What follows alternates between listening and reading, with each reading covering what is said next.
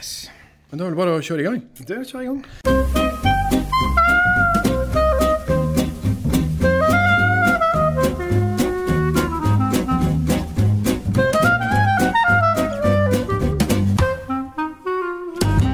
Da ønsker vi velkommen til eh, Kulturs aller første vinpod.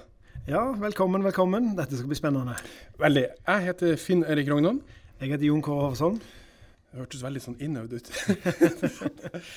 eh, sammen så har vi drevet på med vin bl.a. i eh, over ti år. Ja, eh, først som en hobby, for at det er godt. Eh, før det var kanskje sikkert for å bli full. Jeg vet ikke hva det var med deg. Jo, det, var nok det. Jeg må innrømme det. Og de siste ti så har vi fått æren og gleden av å reise rundt og lage journalistikk rundt vin, noe som vi har satt veldig stor pris på. Mesteparten av turene våre har vært i forbindelse med Tour de France. Ti år reising rundt i Frankrike i forbindelse med Tour de France. Stemmer. Der vi reiste rundt og eh, tok pulsen på eh, alt annet enn selve sporten. Ja, det var kulturinnslag, eh, kort og godt. Og da var jo noe av det mest populære vi lagde, var vinsaker. Der vi besøkte vingårder og snakket med vinbønder og fikk smake på denne fantastiske vinen. Og det viser seg at nordmenn liker å se disse vingårdene. I denne podkasten har vi tatt mål av oss å gjøre gode vinopplevelser mer tilgjengelig for dere der hjemme.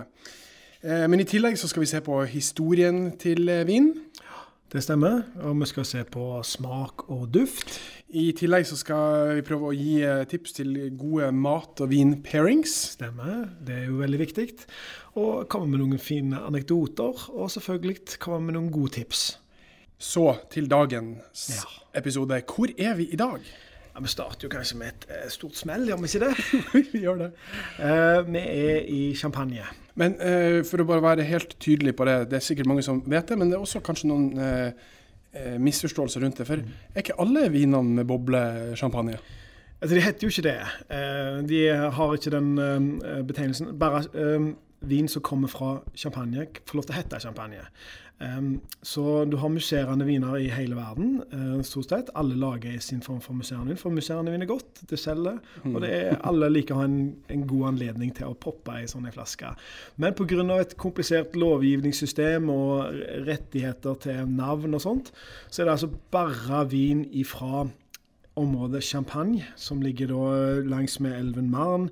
Det er med disse byene Epernay og Reim er de to største byene. Um, der, I det området, eh, de druene som dyrkes der, det er bare de som får okay. brukes til Så, så det, det er et, et, et, et område, en kommune, da? eller- Ja. OK, skjønner. For å prøve å gi dere et litt sånn eh, bilde av hvordan det ser ut i champagne. For jeg tenker altså, det, er, det er alltid nyttig å, å se for seg hvordan, eh, hvordan landskapet er her, og hvordan er folkene og alt. De fleste som, som drar til Champagne som er turister, de flyr til eh, Charles de Gaulle, der den eh, merkelige franske flyplassen, med disse satellittene. Eh, hiver seg i en leiebil, og så drar man eh, østover. Ehm, denne delen av Frankrike er helt sånn udramatisk til forskjell fra Alpene f.eks., eller eh, der man har stupbratte fjell og, og, og den type landskap. Her er det mye mer sånn rullende åser eh, og ganske sånn mildt og snilt eh, landskap. Etter et par timer i, eh, i bil, så husker jeg første gangen vi kom til eh, Champagne. Så stoppa vi eh, rett i utkanten av en by som heter Reim. Det er to hovedbyer, det er Reim og Epernay. Eh, og så stoppa vi i, i, rett utkanten av den første og gikk ut. Og det første som slo meg da, det var, det var stillheten. Det var altså det, kunne- altså, Du kunne høre fluen, altså. Ehm, og ehm, så ser du disse byene eh, ligge eh, i, dis i distansen. Men det som virkelig slår meg, det er at det er, eh, det er ingen kyr. Og det er ingen eh, sauer eller geiter.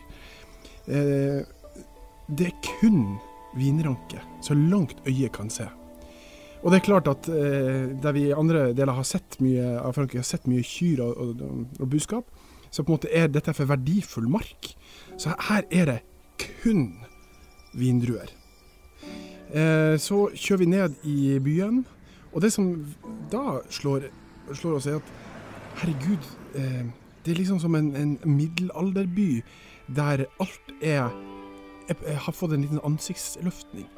Eh, alt er kjempereint, men det er gamle, flotte fasader. Og på rekke og rad i disse gatene eh, i disse byene, så ligger de store champagnehusene.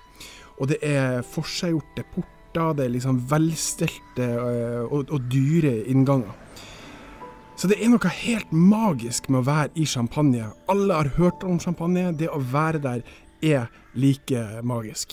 I, eh, vi i Kultur liker, liker, jo å sette ting i litt sånn historisk eh, kontekst ja. når vi skal på en måte bli kjent med noe. Så det er vel på tide å eh, ta en titt på eh, historikken? Ja, la oss gjøre det.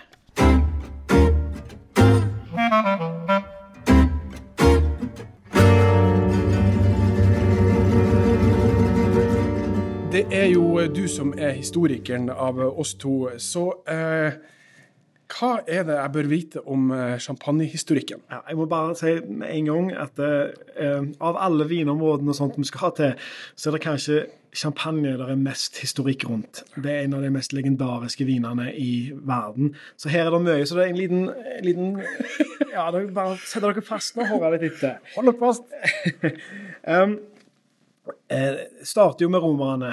Og eh, bare legg merke til denne setningen, for eh, ekstremt mye vinmaking i Europa starter med romerne. Så, og det er òg i eh, champagne. Rundt det femte århundre, men kanskje før. Så det er litt seinere enn hva ellers i eh, Frankrike, men dette er jo langt nord. Eh, champagne i geografi er relativt nært Burgund, eh, og har alltid konkurrert tidlig med uh, vinene fra Burgund. Uh, men vinene fra Burgund uh, var som oftest bedre enn hva vinene fra Champagne. Og Det gjorde at de sleit litt med denne konkurransen da når de skulle selge, spesielt inn til storbyen Paris, som var den viktigste byen. De lagde først for det meste en lys rosé tidlig. Dette er da 1000 år siden og fram til mm. rundt 1700-tallet. Um, en av de største problemene til champagne, er jo at det er ganske langt nord. Og da blir det kaldt om vinteren. Og når du får vindruene i eh, høsta det inn i kjelleren, og de begynner å fermentere, så er jo det bra. Da skapes det jo vin. Men det som var problemet med champagne, det var at det ble så kaldt på vinteren at fermenteringen stoppet. Yes. Og så, eh, Da tenker jo kanskje vinbonden at ok, nå er det ferie, da kan jeg tappe det i flasker og så kan jeg begynne å selge det. Så de gjorde det. Men når det ble varmt igjen, så var det fremdeles gjær i vinen, og den begynte å, fermentere på nytt igjen. Mm -hmm. Så eh, eksploderte rett og slett flaskene, for de tålte ikke trykket. De var ikke så godt lagd. Ah. Og så det med den um, boblene i vinen, det var en um, feilvare på den tida. Det er fantastisk. Ja. Det er ganske Så, så, det du sier, er at, at, champagne ble til ved tilfeldigheter? Ja, eh, og de første årene med, og de hundreårene med champagnelaging i, i champagne, da, eller vinlaging i champagne, er bedre å si. Det var jo da det et problem som f.eks. Nå sliter vi ofte med korka viner og, og, sånne ting. Problemer, så det var et problem som vi hele tida jobba med. Og Så kommer vi da til en veldig spesiell og spennende person som heter Dom Perignon. Og alle har nok hørt om han. Ja, og, og eh, jeg har hørt om han gjennom eh, den champagnen som heter det ja. i dag. Som er laga av det største champagnehuset i Champagne. Ja, stemmer. Det er deres eh, toppvin, top eh, Moet Chandon. Og, og, den har jo fått navnet på grunn av um, at han skal Franskmenn liker jo å si at det var han som oppfant champagnen. Men her kommer da de revolusjonerende nyhetene. Eh, han jobba nesten hele livet sitt for å prøve å fjerne boblene i champagnen. Altså vin fra champagne. Det han eh, var god på, og som han skal ha all ære for, for det gjør nesten alle vinmakere, ikke bare i champagne, men i hele verden, har tatt hans metoder videre. For det han gjorde, det var han, eh, fant, han var opptatt av kvalitet. Kvalitet, mm. kvalitet, mm. kvalitet. Dette kjenner vi jo igjen. Ja, ja, ja. Mm. Så han eksperimenterte med hva tid på dagen han skulle høste. Og han fant ut morgen. Da er det relativt kjølig. Eh, druene er kalde. Da høster vi om, eh, om morgenen, får de inn i pressen, og så er de gode og ferske når de kommer inn der. ettermiddag kveld feil. Da blir, da blir de vassne og, og eh, varme druer. Det vil vi ikke ha noe av. Og så, og her kommer faktisk det viktige som alle gjør nå, som kanskje ikke folk vet. Men han hadde, han hadde flere måter å presse. Ikke måter å presse, men han hadde flere Han delte rett og slett opp jusen i, ja. i hvordan han preste. Det første han gjorde, var å legge alle druene oppi store sånne Eh, det var ikke hva, det var faktisk uh, tønner da, som var uh, åpna, så de la det i. Og så under så kom jusen ut. Og den første pressen, det var bare av vekta av druene sjøl. Så oh, da ja. lot han bare de sånn. Og da, pga. grunn av druene gjorde at de ble skvist sammen.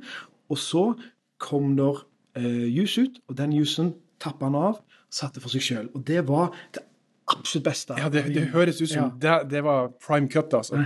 Og denne her, husk, De hadde stort sett bare eh, røde druer, pinot noir. Mm. Eh, Dom Perignon foretrakk pinot noir, for den var, hadde mindre tendens til å eh, fermentere igjen etter så den fermenterte seg ferdig. Så han, han, likte best å bruke pinot noir. Eh, den jusen som kom ut da, den ble helt hvit. Så han eh, oppfant egentlig den der måten å lage hvitvin av røde druer. Ja. Fordi at fordi at eh, rett og slett eh, Mange kan tenke at hvis du har rød druer, så får du rød jus. Ja. Er det ikke sånn? Nei, fargen kommer fra skallet. Og eh, pinot noir eh, har kjøtt som er hvitt. Så hvis du bare skviser ei pinot noir-drue, så er det hvit jus som kommer ut. Men hvis du skviser drua og lar den ligge sammen med skallet alt, så får den fort farge. Faktisk så fort at ja, først må jeg si, Den første pressen den kaller den vin de goutte godt. Mm. Jeg sier helt sikkert det er feil. Det er fransk, jeg er ikke så god på det. Men husk, eh, det er for at eh, det kalles det den dag i dag. Ja. Den første pressen er den som gjelder. og Nå har de jo de faktisk presset de, eh, sånt, men han brukte da bare vekt av druene. Ja. Så presset han med Han hadde noe vekt over. Om han hadde fine damer som sto og trampa på, eller om han hadde faktisk noe som han presset med, det vet jeg ikke. Men han fikk iallfall gjøre han to ganger til andre tredje presset. Var, og da fikk han hvitvin da òg, og det var vin med god kvalitet. Så um, Fjerde og femte presse det kalles vin de tei, altså halen, eller vin de pressoir. altså da var faktisk, hadde vindruene ligget så lenge at de hadde gitt farge til jusen. Ja. Den, den, vinen der ble egentlig ikke brukt til, eller Jusen ble ikke brukt til vin. Den brukte de kanskje til enten til jus, eller at de lagde eddik, eller eh, altså de fermenterte det og lagde det om til eddik, eller et eller annet sånt. Så, så, det var egentlig ikke brukt uh, Skulle iallfall ikke brukes i champagne. den vinen. Du kunne kanskje bruke det til bordvin eller enkle viner, så du bare hadde ved siden Så du hadde altså Første presse, den aller viktigste, det er den beste vinen. Så andre, tredje, og så fjerde, femte. Yes. Og det gjør de den dag i dag. Fascinerende. Mm. Um, så videre. Og kommer vi til, til, den store kontroversen som franskmenn ikke liker. For det var faktisk en engelskmann som oppfant eh, altså For the record, jeg må bare si at Jon Kåre er halvt engelsk. Så eh, har, du, har, du, hold for dette? Ja, jeg har det. Um, det står på Wikipedia. Nei, altså det er eh, skrevet en uh, Vi skal til England, og en uh, vitenskapsmann som ikke hadde så veldig mye med vin å gjøre, men han heter Christopher Merritt. Han beskrev hva som skjer, hvorfor det blir bobler, i en, et skriv. En, en bok jeg ga ut i 1662. Og Han forklarte også, fant ut at det var sukkeret som gjærer og videre gir eh, karbondioksid. Flaskene de lagde i England, var mye sterkere enn det de lagde i eh, Frankrike, for der fyrte de bare med tre. Ja. Så de fikk ikke det samme varmen. Ergo klarte de å lage bedre flasker. Og det De gjorde da, det var at de kjøpte tønner med vin fra champagne, og så tappa de de på nytt i London. Og så på disse flaskene, og der hadde de eh, da Christopher Merritt lærte, lærte, opp den nye måten med å ha i litt sukker for å få en ny fermentering. For, for det, faktisk, det, det, hadde skjedd det som skjedde før, at du hadde fått ei tønne så det, de trodde var ferdig fermentert. og Så tapte de på, og så plutselig åpna de det, og så mm, hadde det gått en vår. Og så hadde det fermentert på nytt igjen. Men da folk ikke visste hva, hva var det som hadde skjedd, for det var jo en feil. Ja. Men så var det han Merritt, og så fant ut at det der er gjær fremdeles, og så blandes det med sukkeret, ergo så får du en andre fermentering, som jo er det som er champagne. Det skal vi komme litt inn på etterpå. Eh, og så en annen ting som engelskmennene gjenoppdaga, da. For jo, dette kommer også til å være en gjennomgangsgreie i vår podkast. Romerne har stort sett oppfunnet alt i hele verden. De oppfant òg kork. Så Ja. er korka viner. Eller de hadde jo da sånn um, um, lerkar. Så de hadde kork, de brukte da kork som vi kjenner til i dag. Ja. Dette gjenoppfant um, eh, engelskmennene. Så Dark Ages etter romerske imperiet falt, var jo det, det var så mye kunnskap som forsvant på den tida der. Så det, eh, men det, så da var det altså engelskmennene som fant opp å sette eh, vin i flasker, for ny fermentering, korka det, og så hadde de gode flasker som gjorde at de kunne faktisk eh, De eksploderte ikke veien. Og folk har jo sikkert eh, lagt merke til når de har kjøpt musserende vin på polet, at eh, flasken er tyngre, større, mer eh, robust. Yes, og det må han være. Ellers så går det, går det galt. går det galt. Um, da har vi kommet til 1700-tallet, og da, eh, for denne her vinen blir jo veldig populær på 1600- og 1700-tallet, mm, champagnen. I, og da er det hoffene, eh, de rike eh, adelsfolkene, som likte bare en motedrikk, rett og slett. Men, men hvorfor det? La, la meg bare stoppe deg Ja. to sekunder. For, for, hvorfor det? For det, det, det er ikke noe tvil om at champagne har en helt egen posisjon en dag i dag i verden. Og du sier at dette går flere hundre år tilbake i tid. Ja. Hva eh, tror du det er som gjør at dette her blir en motedrikk, da? Det er Det har nok litt med, sånn som i dag, at noe blir mote fordi noen har eh, tar det med seg, viser det fram og skryter av det, og så er det liksom det, det nyeste. Du ser det jo kanskje En grunn til at det heter mote, og man forbinder mote med klær. For det var sånn på den tida òg. Noen som plutselig kom med en um, parykk som var veldig høy, så skulle alle ha den parykken som var veldig høy. Og, da var det det med de flaskene.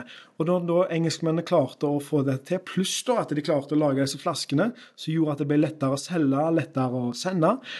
Så da er spesielt da Ludvig, solkongene eh, i Frankrike, de var jo kjent for sitt opulente liv. Du hadde òg eh, adelen i England. De sparte ikke så mye på ting, de. Så da ble det høy skåling.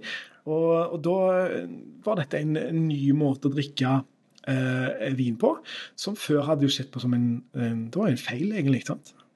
De store husene, Moet Chardon, Røderer, Heidesik og Tattinger, starta på 1700-tallet. Eh, 1800-tallet er òg viktig for um, eh, historien til champagne, for da begynte å fjerne bunnfallet. og Da var det den der, re- um, heter remoage. Igjen, jeg sier det helt sikkert feil, men det er da at du samler bunnfallet i toppen, og så fryser du det ned, og så fjerner du det i et smell. Og så, ja. Ehm, og så eh, faktisk, eh, på den tida, 1800-tallet, veldig populært med søtvin. Russerne skulle ha søteste vin, nesten 300 gram sukker per liter, restsukker. Og um, oss skandinaver vil, vil ha 200 gram, så vi var søte Ja, det bare, og For å sette det i perspektiv, så uh, hvitviner som jeg går etter på polet i dag, de har tre gram. Ja, sant. Så det er Ja. Ekstremt søte viner. Altså, de søteste vinene du får på Polen, er ikke oppi det området. egentlig. Første som lagde Uh, Og her er en morsom anekdote. Første som lagde tørre um, uh, champagne, det var Perrier Jouet, en av de mest berømte champagnehusene i den dag i dag. Um, de uh, hadde ikke sukker i det hele tatt i. Den ble slakta av kritikerne da den kom inn. Jeg tror det var rundt 1846. Um, og det kritikerne sa, at den var brutal. Var bru, ja, brut. Så de. Akkurat. Var brutal. Så da fikk de De brukte faktisk den um, betegnelsen, tok det som en hedersbetegnelse. Og så, så har den da vokst seg eh, Det tok litt tid. Det tok nesten 100 år før at den, eh, eh, den tørre tok over for den ja. For, for, for de som lurer på hva vi snakker om når vi sier brut, Ja. så er det det du kan se på mange champagneflasker, musserende flasker sånn generelt, for så vidt. Mm. Det, på noen så står det brut, og det betyr eh, tørr, rett og slett. Do er da eh, dux, sant? Ja. Det betyr eh, søt. Ja. Som, ja. Em, så eh, er vi kommet til dagens. Mellomkrigstid var et kjipe for vin generelt. Det skal vi komme tilbake til andre podkaster. Men da hadde du altså kommunistene hadde da tatt over. De drakk bare vodka. Eh, I USA så slutta de å selge eh, alkohol. Det hadde forbudstid. Eh, og så hadde du eh, tyranni og krakke på eh, Wall Street og sånt, så det var kjipe tider. Um, heldigvis for vinproduksjonen, uh, uheldigvis for resten av verden, så kom, når nazistene kom til, så ble det mye mer forbruk av vin. Og kanskje spesielt champagne.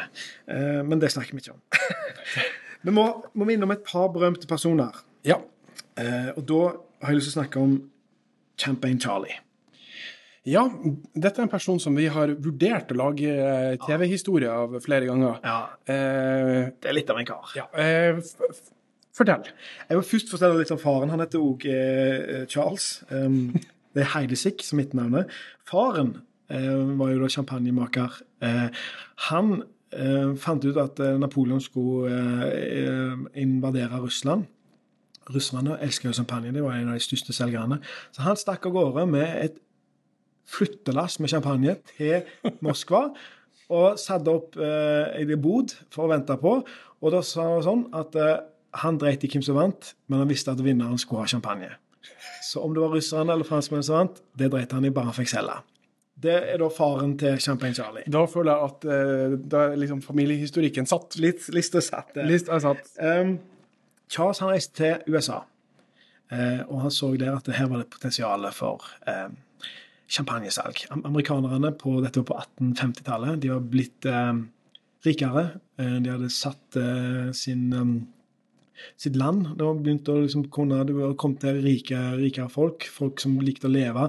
Det var en eh, ganske sånn stor vaudeville eh, med mye teater og show og, og alt, alt det som vi for, egentlig forbinder med USA i dag, det var allerede på den tida gang. Og han så at det, de her folka de kommer til å like champagne. Så han reiste bort der, solgte seg inn og fikk solgt champagnen sin. Eh, I pressen i USA så døpte de ham jo til Champagne Charlie. For han var den som solgte den. Han solgte til hele USA, fra New Orleans, New York, alle store byene og der overalt, og fikk solgt det inn. Altså, han var tidenes ambassadør. Yes, rett og slett. Eh, men så, igjen da, krig er kjipt. Eh, og i 1861 så har han vært der i ti år, eller han har faktisk reist tilbake til Frankrike for sikkert å hente mer champagne. Og så starter borgerkrigen. Og borgerkrig er kjipt. Så han prøver å komme seg tilbake igjen for, for å få betalt, for han hadde solgt uten, altså han solgt på, på krita. Uh, og så nekta han um, i New York å betale han, rett og slett. Så uh, han ble desperat. Han reiste ned til New Orleans for å prøve å få pengene fra han i New Orleans, men han i New Orleans kunne heller ikke betale. Og da uh, fant han ut Men han kunne få to, et, et lager med bomull istedenfor. Han sa ja til det og skaffet to båter, men han måtte komme seg forbi blokaden til eh, nordstatene, for det var nordstaten som regjerte på sjøen. Nordstatene tok eh, eh, båtene hans, brant de opp, så han eh, mista alt der. Så prøvde han å rømme da fra sørstatene, men ble tatt til fange av en nordstatsgeneral som egentlig ville henge han. Men da klarte han å ja, fikk hjelp fra eh, keiser Napoleon 3. til å få en benådning, og så kom seg derifra i eh, på høsten 1862. Så, men da er han på konkursens rand og vet ikke helt hva han skal gjøre. Så heldigvis for han da, så klarer han å overleve til eh, borgerkrigen eh, er over. Og så kommer faktisk broren til han som svindler i New York over og sier at han syns det var dårlig gjort. Og han fikk faktisk pengene tilbake, og for de pengene så bygde han opp imperiet sitt på nytt igjen. Og fikk da solgt eh, og etablert eh, eh, champagnehuset sitt etter krigen. Dette her høres ut som det burde vært laga filmer. Ja, og det har blitt det, faktisk. Ja, sant? Eh, Og så må vi snakke om Lilly Bollinger bare litt. Um, hun leder Bollinger-huset fra 18, 1941 til 1971, så hun er av eh, mer moderne tid.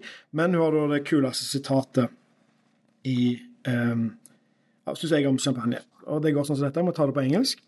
I drink champagne when I'm happy, and when I'm sad. Sometimes I drink it when I'm alone. When I have company, I consider it obligatory. I trifle with it when I'm not hungry, and drink it when I'm when I am. Otherwise, I never touch it, unless I'm thirsty. Så det har vi der. Det var en liten sånn intro til eh, historien til champagne. Jeg har masse anekdoter, men jeg tenkte jeg skulle ta etterpå. For nå har jeg lyst til å høre litt om eh, Skal vi gå litt inn på hvordan det ser ut, hvordan det lukter, og hvordan det smaker? Ja, la oss gjøre det. Når du popper ei flaske champagne, Finn Erik, først, eh, hvordan skal du gjøre det? Ja, du skal riste som fader, og så skal du sprute på folk som jeg gjør på Formel 1. Nei, De sier at det skal være som en kvinnes sukk. Eh, så du skal på en måte være forsiktig når du åpner champagnen. Eh, det er jo blitt veldig populært å sable champagne, som er forferdelig eh, sløsing av dyrebare dråper. Hva gjør du med, med cava og Ja, andre du kan ta- ja, billigere altså, ting. Slutt å tøys tøyse med champagnen. Ja. Ja, nei, så, så det åpnes med andakt. Husk at i ei champagneflaske, hvis jeg ikke tar helt feil, det, det er minimums tre års arbeid før de får, for, Ja, lov å- selge det. Mm. Sånn at det er håndverk, dette her. Tenk hvis dere der hjemme skulle ha knota og styrt med noe i tre år før dere fikk dytte det ut i butikken. Og et lite maleri, eller hva det var for noe. Så, så eh, champagne er litt med andakt for meg, altså. ja. Um, for de glassene, hva slags glass foretrekker du å servere deg? Jeg liker best uh, litt vanlig hvitvinsglass, egentlig. Ja. Eh, disse tradisjonelle champagneglassene som er veldig tynne, Mm. er ikke ideelle i det hele tatt. Fordi at du, du klarer ikke å Den tulipanformen som du har på vinglass, samler dufta. Så på et vanlig sånn eh, Hva det heter still, Stilettglass, eller et eller annet? Ja. Flut. Eh, ja, flut. Så får du, mangler du på en måte det- Alt av duft forsvinner. Ja. Så må jeg jo si det at jeg har jo en hang like, apropos den historikken du har vært inne Ja. på nå, disse gamle, Ja. brede champagneglassene, som på en måte var, har en romantikk over seg. Ja. Fullstendig jeg må si, fullstendig tullete, for du får ikke ut noe duft. Eh, litt av problemet skal også være det at eh, du har så stor overflate at boblen forsvinner kjappere. Men det er ikke et problem, for du drikker det såpass Ja. fort. Og her er jo faktisk Jeg gjorde litt inn, research bak dette. Um, det er ingen sånn fast, sånn konkrete uh, bevis for dette her. Men eh, for det første er det, det er jo en myte om at det, den fluten den, der, den er skapt på bakgrunn av puppen til Maria Antoinette. Ja. Kona til Ludvig den 16. blir det vel. Ja. Det stemmer ikke. For den var lagd før det. Så, eh, så det stemmer ikke. Men det som er da, det er at um, Lurer på hvordan det der ryktet ja, det, Folk, Jeg altså. tror jeg er en champagnedude som bare sier altså, for å selge. Men det som er eh, du, Alt det du har beskrevet, er stemmer når det gjelder deg. At det, eh, du får jo ikke dufta noe særlig, og boblene forsvinner fortere. Eh, men du drikker òg fortere, så det gjør ingenting. Nei. Det var greiene. Du, du lagde en eh, glass som gjorde at det er lettere å drikke, og du drikket det fortere, for da vil du ha mer. Ja. Så det er rett og slett en måte til å få deg til å drikke det fortere. Så hvis vi nå skal snakke litt om, om um, duft og smak, som er på en måte kanskje det aller viktigste. Eh, jeg vil jo si at vi må skille champagne i, i to typer. Kan vi være så kategorisk? Ja. Eller kan vel kanskje til og med Ja, hva Ja, Altså, du har eh, Blanc de Blanc, som er eh, en champagne som er laga kun på chardonnay-druer. Vi kan vel kjapt si at det er tre druer Ja, i men La oss eh, snakke litt om druene. ja. For det er chardonnay, pinot noir og pinot meunier. Yes. som du har lov å bruke i, eh, i champagne. Mm. Pinot noir og pinot meunier er jo røddruer, Mm. og chardonnay er hvit. Det som også må tenke på, er at um, til forskjell fra andre områder i vinverden, så er champagne for det meste en blandingsvin. Og Der blander du ikke bare viner og druer og sånt, men du blander også årganger. Eh, den viktigste vinen til champagnehusene er ikke krystall eller eh, alle disse fancy vinene. Det er husvinen. Den som de lager mest av, og den som de eh, jobber mest med. Og den skal være så lik som mulig for hvert år etter hvert Ja, år. vi var, jeg husker godt vi var på eh, Rødrer, Ja. Louis Rødrer, som, er en av, som har da den her berømte ja. champagnen. Og de sa det at vår, vår beste og vår viktigste vin er vår brutt premier, Ja. eh, som er deres da husvin. Eh, og det er, en, det er en blanding, for den vil ha det så jevn og god kvalitet på som mulig. Um, så, den er, så har du da, sånn som du snakket om nå, blank de blank. Ja. Og blanc de blanc er da en ren eh, chardonnay-champagne. Eh, og det er jo den ultimate, perfekte Den er en aperitiffvin. aperitiffvin. Ja. Um, det er en aperitiffvin som er eh, veldig godt egnet til frisk eh, start på et måltid. Når vi er på restauranter, så er det stort sett alltid eh, et glass med blanc de blanc Ja. Så starter måltidet. Um, det er en, en, eh, en av, av mine favoritter. Hva, er, hva dufter og smaker en blank til blanc? I en blank til blank, så, så pga. chardonnay, sant, så, så jeg får ofte litt av disse mer um, grønne fruktene, altså litt sånn grønne epler og, og litt i den, uh, den gata der. Um, og gjerne god syrlighet. Uh, kanskje litt sånn sitroner og litt sånn, uh, sånn følelser. Det, det, er det jeg får mest av når jeg, når jeg um, drikker blank til blank. Og, og, det er sånn som du sier, jo, den friskheten gjør jo det perfekt til en aperitif. Ja. Så er det jo eh, for meg den andre bolken, da. Det er nok sikkert mye mer mm. nyansert enn som så. Men det er da altså blandings eh, mm. de, Der du har blanding av, mm. forskjellige druer. Og særlig det som eh, for meg er blanc de noir. Mm.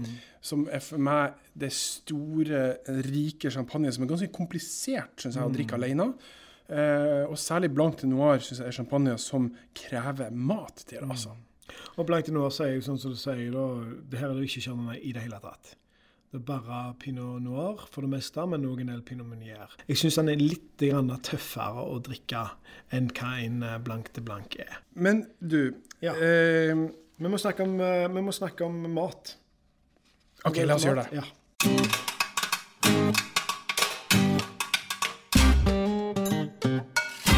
Ja, eh, jeg, som jeg nevnte så vidt, så er jo eh, Blanc de Noir mm. iallfall en eh, champagne som jeg elsker å bruke til mat. Ja. Men sånn generelt sett så kan vi jo si at hvis jeg skal gi anbefalinger hva du skal eh, ha til mat, så hvis du er i tvil, så går du til champagne. Ja, det er helt sant. Champagne passer til så å si alt. Mm. Og hvorfor det, tror du, Kåre? Altså, det er selvfølgelig med boblene. Eh, for at en god vin skal egentlig renske litt opp i munnen, sånn at du er klar til å ta et nytt, um, en ny bit av det du spiser. Um, og så er det da vin, det er god vin i tillegg, og dermed så har de gode produkter som de kan komme med. Og da kan det gå godt til både sjømat og til, til kjøtt og alt. Det takler veldig mye. Men til de aller beste tingene så er det faktisk sånn at eh, champagnen kan være med å heve gode smaker. Ja, helt enig. Eh, og hvis jeg får ta et, eh, har et sånn levende minne om en champagneopplevelse, en, sånn, en champagne-matpairing For det er Se for deg, OK. Det er julaften. Ja. Dette er noen år siden. Og mine foreldre har uh, diska opp uh, ribbe. Så vi har ribbe på julaften. Klassiker. Ja, det er jo en kjempefeit rett. Mm. ikke sant? Det er jo altså fettfest herfra mm. til månen. Uh, og der man uh, hva, liksom, hva, kan man ha til det? Det er komplisert. Du kan bare glemme hvitvinene. Det takler ikke i det hele tatt. Det er for mye fett.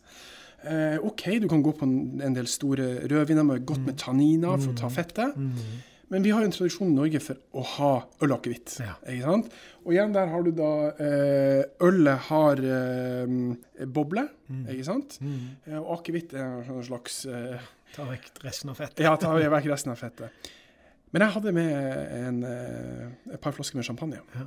Og det Altså, min mor og far de er ikke noen champagnedrikkere, men til og med de var blåst av banen. Og det er en blankt noir og den, måte, det gikk inn, og det rensker opp, og det på en måte eh, det, det, og så er det jo godt med champagne, ja. så du føler deg mye mindre tung. Mm. Eh, så det var en meget, meget mer uh, livlig uh, ja. jul hjemme hos Rognan da. Så det er en god pairing. Ja, det er veldig bra. Det, det, jeg er enig i. Det har faktisk òg uh, til pinnekjøtt, ja. som jo igjen er veldig feit og, og rike. Og, og, og det, en blanc de noir takler godt pinnekjøtt, altså. Så ja, igjen, som du sa, hvis du er usikker så kan du ikke gjøre noe galt med champagne. Og så er det jo en annen ting som eh, er sånn opplest og vedtatt. Mm. Østers og champagne. Hva tenker du om det? Um, det er jo godt. Ja. Selvfølgelig. ja. um, uh, vår reise har gjort at jeg har funnet bedre viner enn champagne til østers. Uh, det som jo er litt det kule med, med østers og um, uh, champagne, er at det har mer med Eh, det rundt enn hva det har med eh, smakkombinasjonen. For det er jo en liten sånn mannsprøve å spise en østers for mange. Mm. Og eh, du skal gjerne tøffe deg når du gjør det, gjerne overfor ei dame. Og med champagne skal du alltid ha med når du er på date med damer. eh, For det gir jo alltid den rette humøret og den Ja, rette ja, ja. stemningen. Så, så det er egentlig en slags romantisk eh, sammensetning, østers og champagne. Det er godt, for all del, men det er andre ting som er betraktelig bedre. Det er det, altså. Um, Skal vi gå over på fun facts? la oss gå over på fun facts. Du hadde en, du òg. Du, eh, jeg vet ikke hvor morsomt det er, men jeg bare var nysgjerrig på eh, hvor mange eh, champagnehus er det. Ja. Eh, så jeg fant ut at eh, per 25. mars 2018 så er ståa i champagne følgende. Det er 4461 vinbønder, det er 39 kooperativer, og det er 300 champagnehus. Fantastisk. Ja, det er ganske, ganske bra. Ja. Um, jeg har jo en rekke med sånne øh, Ja, altså igjen, dette er en av de historietunge vinene i verden, og ufattelig mange morsomme folk som øh, har likt champagne. Eh, Winston Churchill, han kjenner vi. Dette har vært en ganske god film lagt om han. Eh, han drakk masse champagne. Eh, Det er blitt eh, foretatt noen sånne beregninger fra 1908 og fram til han døde, så drakk han ca. 42 000 flasker. Å, gud hjelp meg, hvor mye Ja, det er mye. Ja. La oss ikke regne med på det. Eh, han hadde ikke råd til alle de her, men han hadde en måte at eh, han kunne ringe til rike venner, og så betalte de regningene hans. Eller faktisk staten Ja. sjøl. Eh, og Pommery var en av um, hans favoritter. Der har vi jo vært. Det har vi. Ja.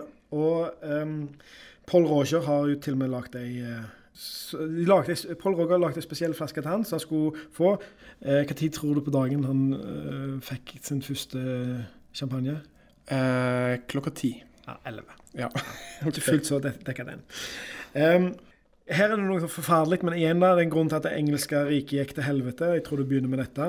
Eh, engelske dandyer brukte um, Det er jo Jeg vet ikke hva en dandy er, sant? ja da. Det eh, 1800-tallets eh, hipstere, kan man kanskje si. Ja, det kan vel det.